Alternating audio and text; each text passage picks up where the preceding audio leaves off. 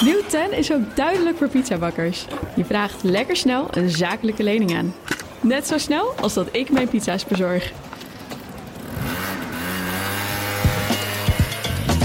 Duidelijk voor ondernemers.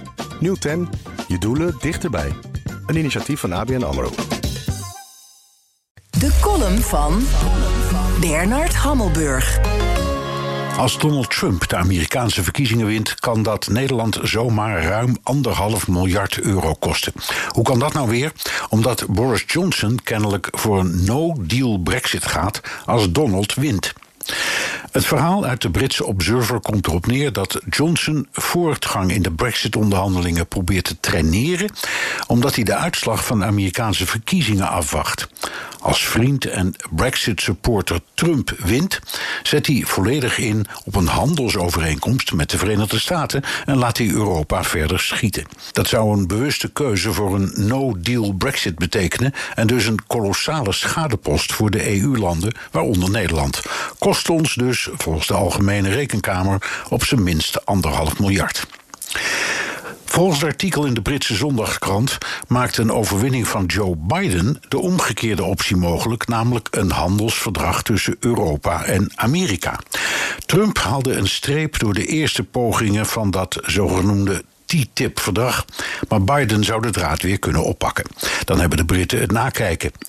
Dat zou trouwens heel verstandig zijn van Biden, want vergeleken met de mega-handelspartner Europa is het Verenigd Koninkrijk een mug. Johnson neemt wel enorme risico's. De uitslag van de Amerikaanse verkiezingen kan vele weken op zich laten wachten, volgens het zwartste scenario tot 14 december. Als hij zo lang traineert, wordt het zeker een no-deal Brexit, want zelfs als de onderhandelaars eruit zouden zijn, krijg je een verdrag nooit meer voor 1 januari door alle Europese landen goedgekeurd. Als Biden dan wint, zit hij en zonder maatje in het Witte Huis, dus zonder uitzicht op een verdrag met En zonder akkoord met Europa. De onderhandelaars geven nu juist tekenen dat er weer een beetje schot in komt. De Ierse premier Varadkar ziet iets dat op witte rook lijkt.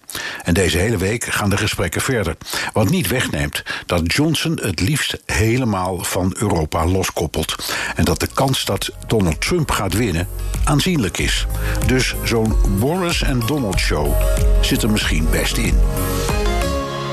Nieuw 10 is ook duidelijk voor pizzabakkers. Je vraagt lekker snel een zakelijke lening aan. Net zo snel als dat ik mijn pizza's bezorg. Duidelijk voor ondernemers. Nieuw 10. Je doelen dichterbij. Een initiatief van ABN AMRO.